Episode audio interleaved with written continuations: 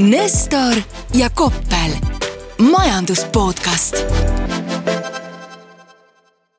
tere taas kuulama SEB majandus podcasti, mina olen SEB privaatpanganduse strateeg Peeter Koppel ja minuga on nagu alati SEB majandusanalüütik Mihkel Nestor ja meil on tegelikult täna ka külaline, aga tema ei ütle mitte midagi, sellepärast et tema on minu praktikant, väga tore noor inimene. aga see selleks, ma arvan, et võib asjade juurde asuda, mis meile viimasel ajal silma on jäänud ja mis meile huvi pakuvad, et me räägime äh,. räägime sellest, et mis mõttes Venemaa ei suuda oma võlga maksta. mis mõttes aktsiaturud, mis pidid ju nüüd igavesti langema, eelmisel nädalal jällegi tõusid ja Mihklil oli ka kindlasti paar päris huvitavat asja, millest ta tahtis kuulajaid valgustada ja mina mõtlesin rääkida sellest, et meid ootab ees tegelikult mõlemad Peetriga natuke pikem puhkus juulikuus. mõtlesin, et teeks üks väikse nagu ennustusvõistluse, et mis siis nagu augustikuuks nagu maailma majandusest saanud on ja ka Eesti majandusest. see on väga kaval, sellepärast et äh, ütleme, meil siin viimasel ajal pole nähtavusega vist just kõige paremini olnud ja üldiselt need äh, prognoosid on osutunud selliseks äh, huvitavaks intellektuaalseks harjutuseks pigem. Just nii, aga võtsid kohe teemaks äh, selle, mis täna hommikul, kui me vähemalt seda podcast'i siin lindistame, võib-olla oli meedias kõige suuremate pealkirjadega siis see, et kuidas Venemaad ootab vähemalt tehniliselt äh, default ehk siis nad ei suuda tasuda oma, oma võetud äh, võlakohustusi aga noh, mulle tundus, et keegi seda tegelikult väga dramaatiliselt ei võta turgudel või kuidas? no dramaatiliselt seda ei tõepoolest ei võeta, sellepärast et see oli midagi sellist, mis oli selgelt oodatud. ja see ei ole nüüd tingitud äh, sellest, et Venemaal oleks raha otsa saanud seepärast, et nagu me siin oleme ju ka korduvalt äh, siin podcast'is maininud. raha tuleb äh, sisse ebameeldivalt palju neile, et palju toredam oleks, kui neile seda raha sisse ei tuleks. sellepärast, et siis nad võib-olla ei saaks oma äh, kuritegusid nagu Ukrainas sooritada, aga raha tuleb sisse korralikult, jooksev konto ülejääk on, kuidas väljendame ennast popilt ja noortepäraselt, mega aga küsimus on selles, et äh, nad ei saa liigutada välisvaluutat selleks ähm, sanktsioonide tõttu ja seetõttu nad ei saa sooritada ka vastavaid makseid, mis on neil seoses välisvõlaga tekkinud. ehk siis võib tõesti öelda, et see mm, äh, maksesuutmatus on antud kontekstis äh, tingitud sanktsioonidest ja see on tingitud nii-öelda tehnilistest põhjustest Venemaa jaoks nagu maine mõttes, no ma ei kujuta ette, kas see maine nagu veel rohkem mudas saab olla, noh ilmselt saab. maine mõttes on see loomulikult halb, sellepärast et viimati äh, jäeti kohustused sarnases kontekstis täitmata ei rohkem ega vähem kui aastal tuhat üheksasada kaheksateist ja siin on ka räägitud sellest, et oot-oot, aga mm, Venemaa ju teatavasti läbis sellise maksesuutmatusega aastal üheksakümmend kaheksa. ma just tahtsin öelda oot-oot muuseas, aga väga hea, et sa ära räägid, jah no sellega oli selline lugu, et äh, praegu me räägime ikkagi sellistest äh, võlakirjadest, mis on denomineeritud päris rahas.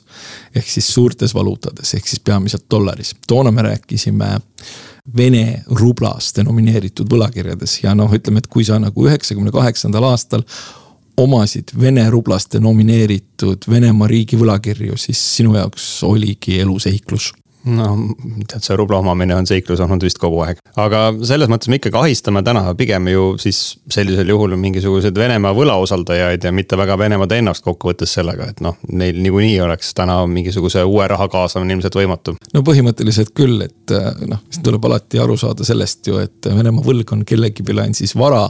ja ega tõenäoliselt see, kelle bilansis see vara on, eh, päris õnnelik selle üle ei ole aga kui me ajalugu vaatame, siis äh, ajalugu on tõestanud, et äh, mingisugustes kontekstides Venemaa isegi ikkagi äh, nagu kipub oma kohustusi lõpuks täitma, et ju ka Nõukogude Liidul oli riigivõlg ja ka Nõukogude Liit ei tulnud selle maksmisega toime, aga. ühel hetkel Venemaa maksis selle kõik kenasti ära ja maksis ka ära takkajärgi intressid ja vist võib-olla isegi mingisuguseid viiviseid, nii et lõppkokkuvõttes. Need tegelased, kes seda Nõukogude Liidu riigivõlga soetasid näiteks kakskümmend senti per dollar, olid omadega moosi ja mee sees. kuule, aga sularaha on ka ikkagi raha, et äh, kas nad nagu cash'is ei saa maksta? Äh, vot ei tea selles mõttes nüüd on ju veel see asi, et Venemaale kiputakse kehtestama sanktsioone ka selles osas, et, et mida nad nagu kullaga teha saavad. sellepärast, et noh, paljud sellised veidikenegi paremaid vahendeid omavad või suuremaid koguseid vahendeid omavad äh, Venemaa elanikud võtsid, hakkasid oma igasuguseid varasid kullaks keerama, et äh, noh, suhteliselt kindel asi ja võib-olla mingisugustes kontekstides ka transporditav, kuigi ma ei kujuta ette, et äh, kuidas, kuhu sa need kullakangid paned, kui sa neid transportima hakkad niimoodi, et neid sult ära ei võeta. aga just lugesin, et G7 riigid tahavad Venemaal vist nagu kullakaubandusega ära keelata, et. no see oleks täiendav sanktsioon igasugustele tegelastele, kes, kelle jaoks võib-olla noh rubla on äh, selline asi, millega võib-olla hakatada suurest kaminast tuld. Äh, dollariga on jällegi problemaatiline see, et, et noh, vaata, et selleks, et teda suurelt liigutada, noh, sajadollarini on peamine mm, selline kupüür, millega seda liigutada üritatakse, aga noh. üks pakk on ju ainult kümme tuhat dollarit ja kui sa paned nagu kohvri täis, eks siis ega sa sinna eriti palju ei pane kullaga on natukene parem, et ta on noh, ütleme raskem, aga sa saad sellisesse mahuühikusse siiski nagu selgelt rohkem äh, väärtust ära paigutada. selleks, et äh, sellega otsustaval hetkel kuhugi leekima panna. mul vanaisa pani kunagi hammastesse. aga et see Venemaa jutt nagu kuidagi alla tõmmata, et siis kõik need äh, ma ei tea, kaks kuulajat, kes on investeerinud Venemaa riigivõlakirjadesse, et võime need siis rahustada, et ühel päeval nad saavad ilmselt raha tagasi. Ma arvan, et äh, või ma sügavalt loodan, et kui on need kaks kuulajat, kes on sellistesse asjadesse tõesti võib-olla pannud, no ma arvan, et neid isegi ei ole kaks, et. Äh, võib-olla on heal juhul üks, et äh, noh, nad on ilmselt juba nagu arvestanud sellega, et sellega saab nüüd minema veidikene kauem.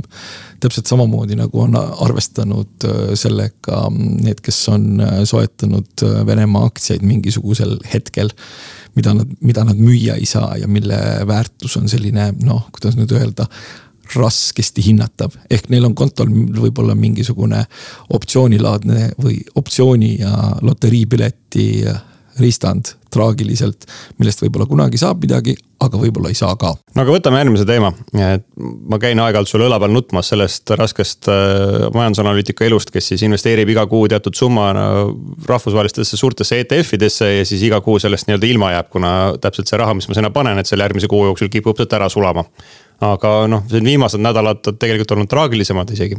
sulas ära ka ütleme varasemate kuude sinna paigutatud papp, aga jällegi nüüd siin viimaseid päevi vaadata, tundub, et äh, vähemalt osa on tagasi tulnud, et kas äh, nii hakkab ka olema jälle? no siin tuleb äh, võib-olla rääkida kahest asjast, esimene asi on see, et noh, eeldatavasti, kui me vaatame näiteks Ühendriikide indekseid, siis öeldakse, et me oleme karuturul, ehk siis me oleme langustrendis, kuna me oleme circa kakskümmend protsenti äh, nii-öelda võrreldes, võrreldes tipuga allpool.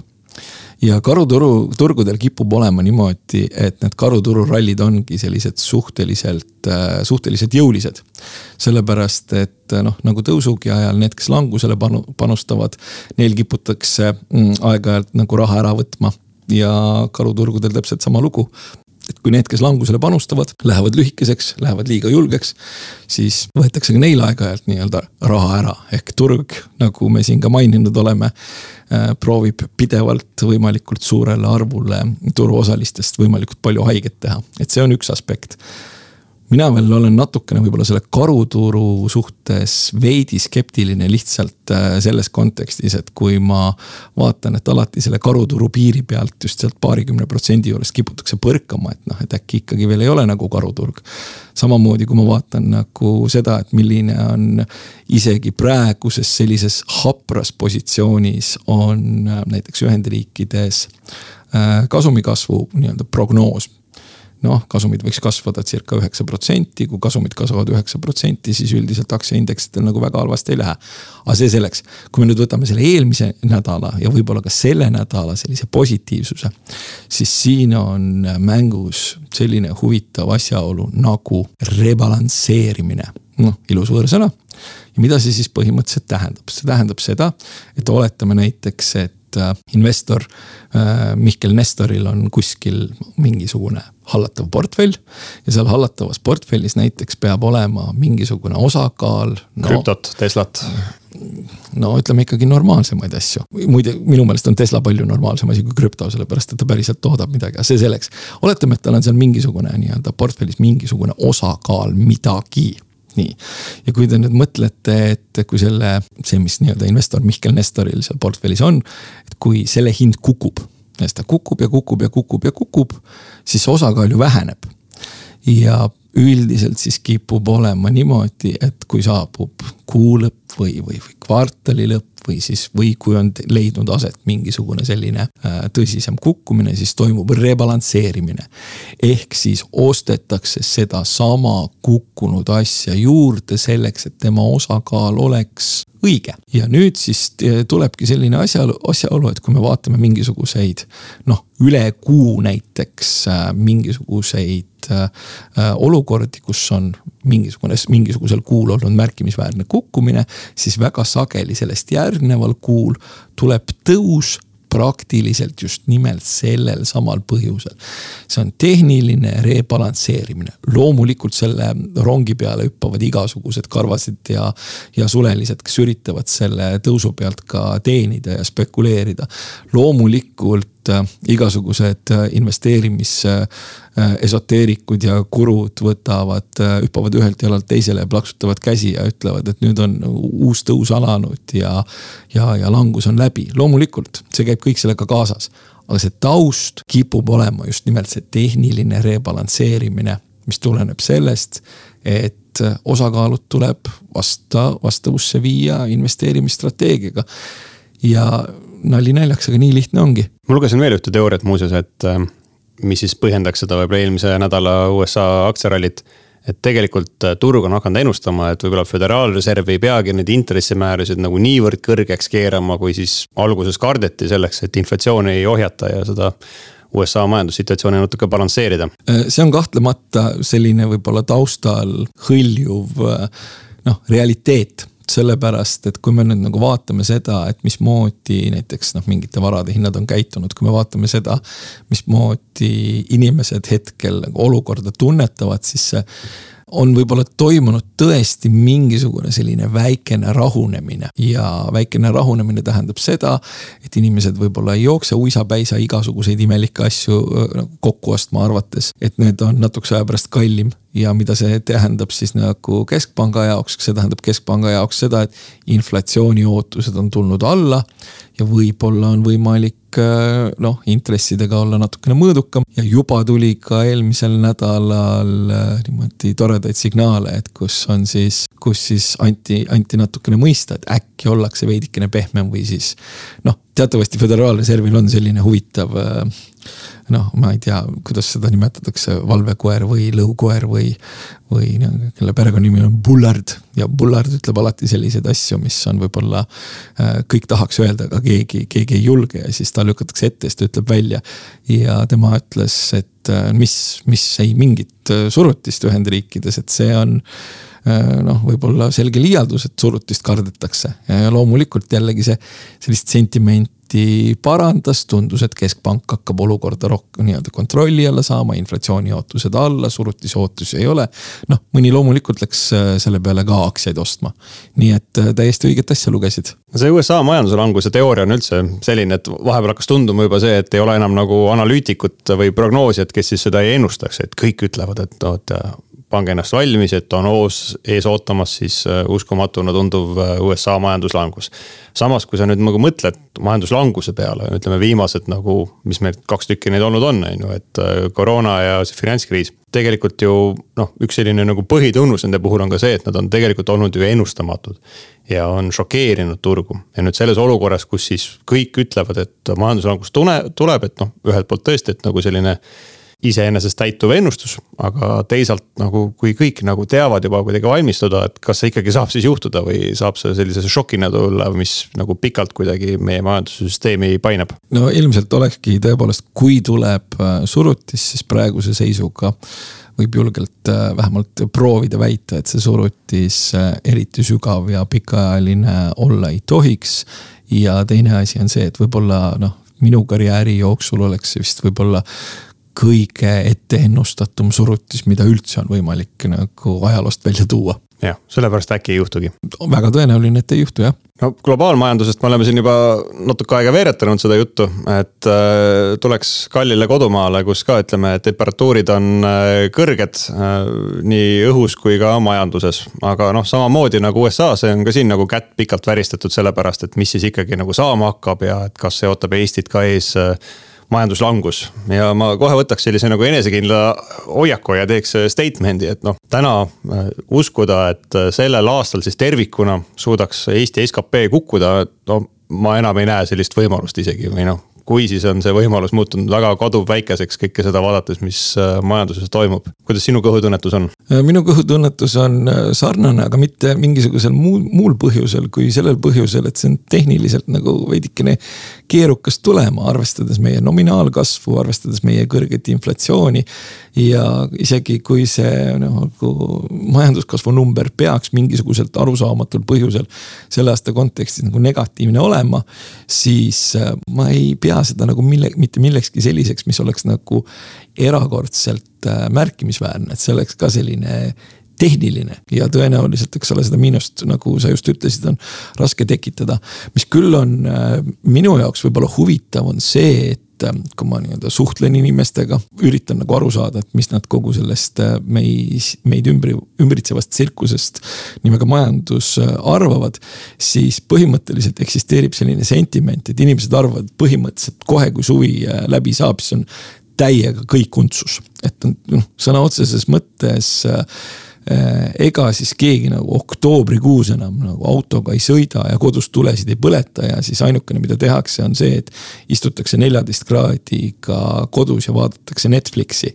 et umbes selline arusaam on, et majandus läheb totaalsele pausile, noh alates sellest ajast, kui, kui õues juba veidikene nagu pimedam on kuigi ma olen suhteliselt äh, veendunud selles, et ega need energiahinnad kellelegi ei meeldi, kuigi ma olen suhteliselt veendunud selles, et äh, probleeme tuleb, siis vaat sellisest äh, sentimendist tänasel päeval, noh, hea muidugi rääkida, õues on kolmkümmend kaks kraadi ja päike paistab, aga vot sellisest sentimendist mina aru ei saa ja ma ei saa isegi aru, kus see tulnud on. ja huvitaval kombel noh, vaata, ma olen selline piisavalt vana ka juba, et ma võtan, kuulan alati ära kõik need olulisemad rääkivate peade saated äh, nädalavahetusel, et kas siis rattaga sõites või, või, või trenni tehes. et äh, ka on täpselt samasugune aru, arusaam või kuskilt nagu antakse mõista, et no, no, no nii halvasti on. et sügis saab olema nii kohutav ja talv saab olema nagu täiesti hull ja noh, nagu ma ütlesin, et eraisiku tasandil tõepoolest jah, energiahinnad, inflatsioon, kõik, kõik, kõik loomulikult see on erakordselt ebameeldiv. aga noh, mingi räige tööpuuduse kasv ja see, et äh, tõesti nagu enam tuld põlema ei panda ja istutakse külmas. et see ei tundu nagu see stsenaarium, mis äh, oleks nagu rea reaalne praegu, kui nüüd äh, üritada nagu vaadata, et ja ma ei tea, kust see sentiment tulnud on, ausõna. no eks võib-olla rääkivatest peadest tulebki, et tegelikult, kui sa vaatad täna, mis siis äh, ütlevad igasugused majanduskindlusindikaatorid, et äh, noh, Eestis nüüd vist me päris ajaloolist madaltaset pole saavutanud, aga noh, tarbijakindlus, kui sa seda nagu peaksid siis küsitlusega mõõtma, on hästi madal.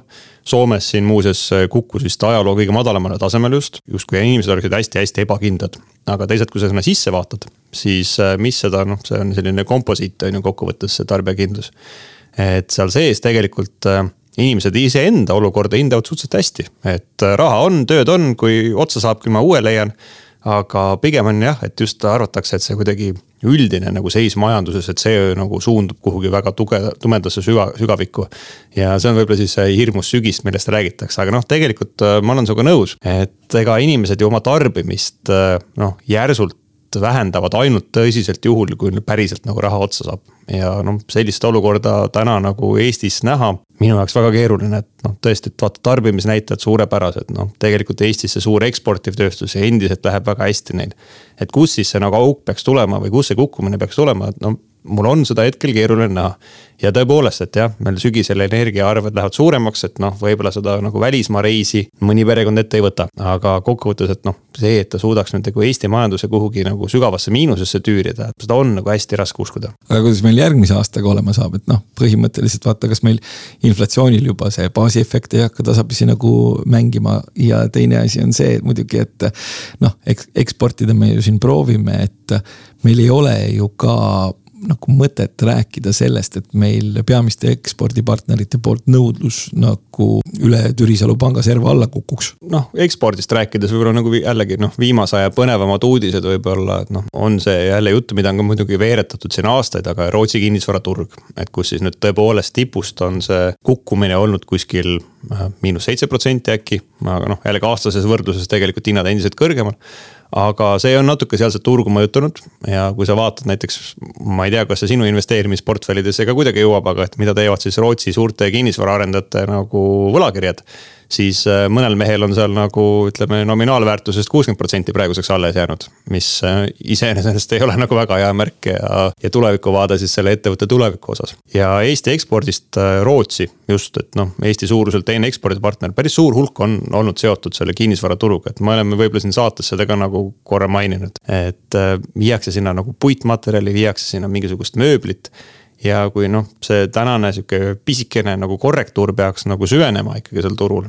et see on üks selline koht, kus siis Eesti eksport võiks pihta saada, aga teisalt, kui sa vaatad siis meie suurimat kaubanduspartnerit Soomet, kus võib-olla see eksport on ka suhteliselt laiapõhjaline, noh jällegi, et noh, hoolimata siis sellest, et äh, tundub suur masendus olevat soomlaste seas võimust võtnud, et tarbijakindlus on aegade madalaim, siis ühestki nagu reaalsest majandusnäitajast see välja ei paista, et tööhõive ülikõrge, tarbimine kõrge tööstusel läheb hästi, ekspordil läheb hästi. ilmselt on ka siis, äh, ma ei, Soome, sa soome keelt ka muidugi räägid hästi, et kas sa kuulad ka Soome nende rääkivate peade saateid, et kas nad on seal nagu veel rohkem masenduses kui eestlased, aga tundub see samalaadne tendents olevat. Nad on seal küll veidikene masenduses, ma Soome nii-öelda teatud õige sünniaastaga ja, ja siis Põhja-Eesti ehk Tallinna elanikuna ma soome keelega enam-vähem saan hakkama.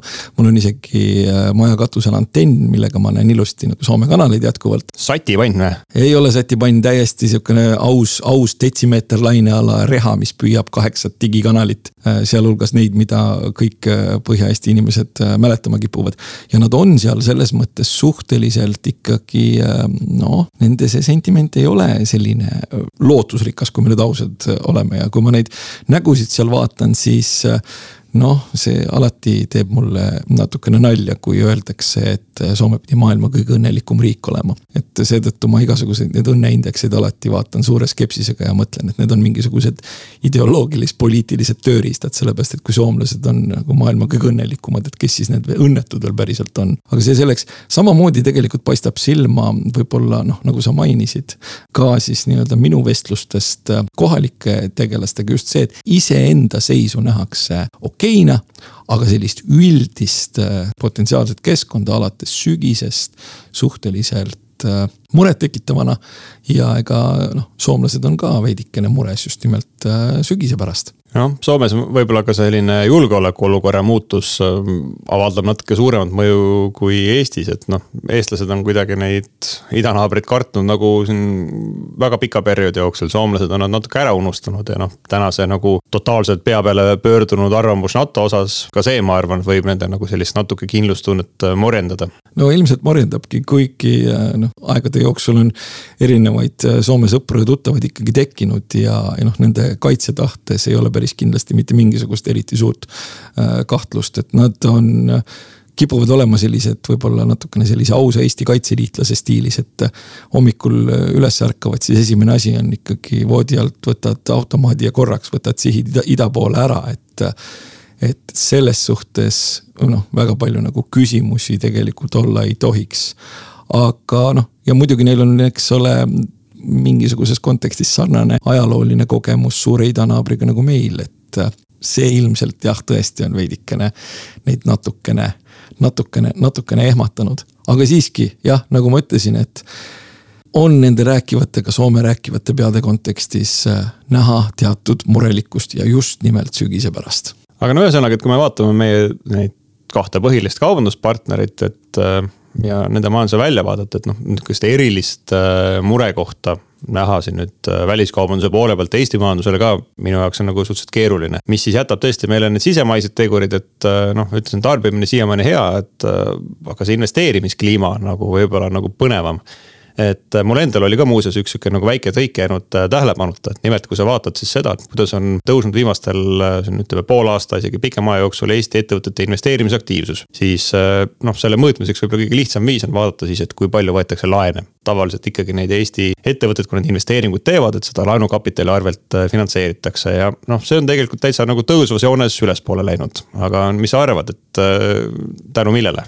Väga hea küsimus, ma ei, ma ei tea, kusjuures tänu millele. Et äh, noh, kas äh, suured investeeringud siis teadmisepõhisesse majandusse, tööstusesse, teps mitte, et äh, tegelikult puhtalt, peaaegu puhtalt on see tulnud siis nagu kinnisvaraarenduse arvelt, ehk siis on finantseeritud kinnisvara arendamiseks mõeldud laenusid ja noh, teatavasti see ei ole just kõige produktiivsem viis või osa majandusest, et millele siis nagu oma kasvu rajada. ja arvestades siin võib-olla selliseid murekohtasid sellega nagu majanduse tuleviku osas siis äh, noh, see kinnisvaraturg on jätkuvalt nagu põnev teema, et äh, milline see reaktsioon seal on, et äh, me ise vist mõlemad oleme sellised pessimistlikud optimistid selles osas olnud, et suuremat draamat ei tule, aga noh teab see. Pessimistlikud optimistid, et äh, noh, ma ei tea, kas ma nüüd nagu ka sinu sentimenti suudan piisavalt hästi defineerida, aga minu arusaam on see, et, et praegusel hetkel võiks äh, turg ikkagi vaatamata kuumale ilmale jahtuda. hinnatasemed võiksid muutuda natukene normaalsemaks, see tähendab seda, et tänasel päeval ma mingisuguseid vallatuid oste tegemas ei oleks küll aga ma pean jätkuvalt kinnisvara paremaks mõtteks kui äh, raha hoidmist. ja küll aga ma leian, et, et kui üritada seda perspektiivi veidikene pikemaks venitada, siis äh, sealt võiks äh, veelgi hinnatõusu tulla. loomulikult mitte midagi sellist enam, nagu me siin viimastel aastatel näinud oleme. just tuli vist esimese kvartali nagu siis eluaseme hinnaindeksi muutus välja, et pluss kakskümmend protsenti, et inflatsiooni ületav, parim kaitse inflatsiooni vastu, ostke kinnisvara. noh, seda ajaloolist ajalooliselt põhimõtteliselt ütleb ka nii-öelda ajalooline kogemus, kuigi peab nentima, et toormetel on läinud paremini kui kinnisvaral, kinnisvaral ajaloolises kontekstis võimaldades inflatsioonikaitset, kui nii võib öelda. Eesti kontekstis siis peaks kuidagi suutma hakata investeerima nagu kohalikku põlevkiviõlisse ja tuuleenergeetikasse või? vot selle põlevkivi ja tuuleenergeetikaga, no minu arusaama kohaselt on see üks selline kobarkäkk, mis paneb mind nagu selgelt, selgelt ohkama ja, ja siis professionaalina ma ütlen, et tänapäeval õnneks on olemas täiesti mõistliku rahaga täiesti tavalisele inimesele täiesti hästi toormeturge järgivaid nagu börsil kaubeldavaid fonde võtta nii-öelda aga mitte kohalikke? mitte kohalikke, jah. hakkab meil saade sinna nagu lõpupoole tüürima, aga et noh, on veel kuidagi midagi sihukest poliitiliselt ebakorrektset sinu käest nagu välja suruda, siis äh, noh, üks selline viimase aja tüüppküsimusi, mis minu käest on küsitud, et kui ma olen käinud kuskil nagu majandusjuttu rääkimas, on see, et aga et noh, kuidas, kuidas ikkagi sina siis äh, majandusanalüütikuna täna meie valitsuse asemel tegutseksid, kes peab nagu majanduspoliitikat, rahanduspoliitikat sellisel ebakindlal ajal nagu kuidagi tüürima. sinu soovitusi siis koalitsioonikõneluste jaoks näiteks? no mul selliseid soovitusi ei ole, küll aga noh, ainukene asi, mida ma võib-olla noh, ütleksin, et minu arusaam on see, et, et võib-olla mõtleks sellele, et äkki siiski reaalintressid jäävad äh, miinusesse veel päris tükiks ajaks ja võib-olla mõtleks ka natukene sellele, et me võib-olla eksisteerime sellises äh, valuutaregioonis, kus me ei saa rääkida väga tugevast valuutast ja need kaks mõtet võiksid olla päris kindlasti sellised, mis äh, võiksid natukene rohkemate inimesteni nii-öelda sügavama arusaamisena jõuda. Aga alguses sa ütlesid, et võiks midagi prognoosida ka ja võiks midagi vaadata, et kuidas me siis, kus me siis omadega nagu sügiseks oleme. aa, sa tahad nagu täppisprognoose hakata tegema? ma ei taha, ma, ma täppis ei taha, aga ma tahan, et sa otsa lahti küll teeks. Võib maksta minu töökoha nii, aga nimeta nüüd näitajad või, ja mis perioodist me räägime? noh, kuidas meil on inflatsiooniga lood ja kas sa, millisest sellisest kasvunumbrist sa räägid Eestile võib-olla selleks aastaks siis, kui me tagasi tuleme augustis? kas sa räägid täpselt samasugusest numbrist või sul on juba mingisugused kahtlused tekkinud? no vaatan, see on Eesti Pank tuli just äh, hiljuti välja oma nagu värskema prognoosiga ja kui ma ei eksi, siis nende, nende pakkumine selle aasta nagu majanduskasvuks oli nagu niimoodi päris hindades siis, et juba kogu sellises mõttes äh, poolteist protsenti majanduskasvu. ma arvan, et see on selline nagu vahemik, millega ma võiks täitsa nagu mängida siin äh,.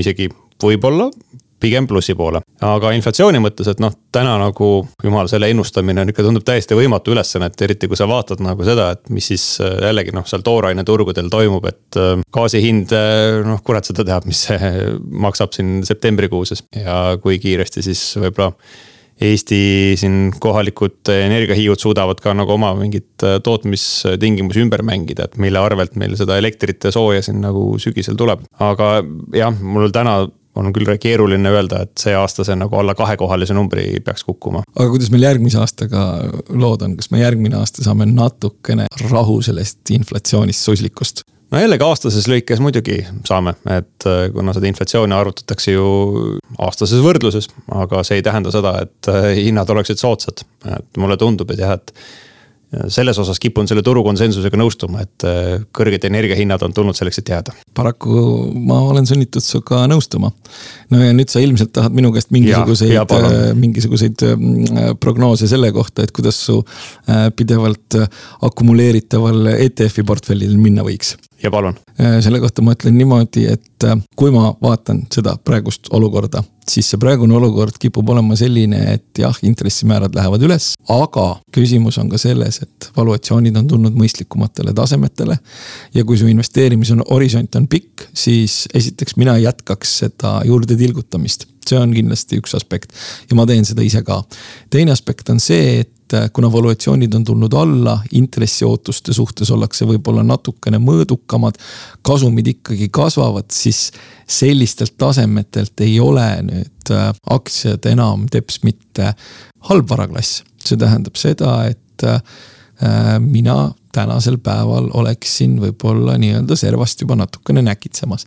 Teine asi, mis on veel huvitav, huvitav on see, et kui me vaatame näiteks äh, euroala võlakirjaturgu ja vaatame seda, millise fantastilise languse see on läbinud siis ka võlakirjaturg, võlakirjaturg on jõudnud selgelt sellisele tasemele, kus noh, need, kes olid äh, nutikad ja hoidsid võib-olla aasta algusest äh, endal siis duratsiooni hästi lühel, lüheldasena.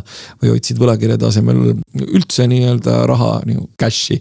siis need võiksid ka hakata ikkagi servast juba, juba näkitsema. aga neid mõlemaid asju tuleks teha selgelt ettevaatlikult.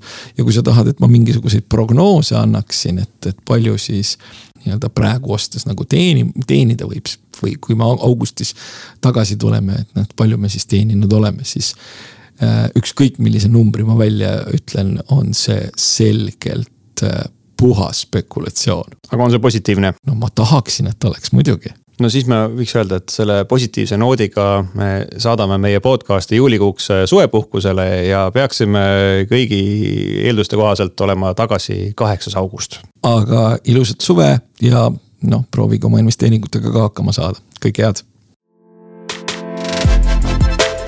Nestor ja Koppel, majandus podcast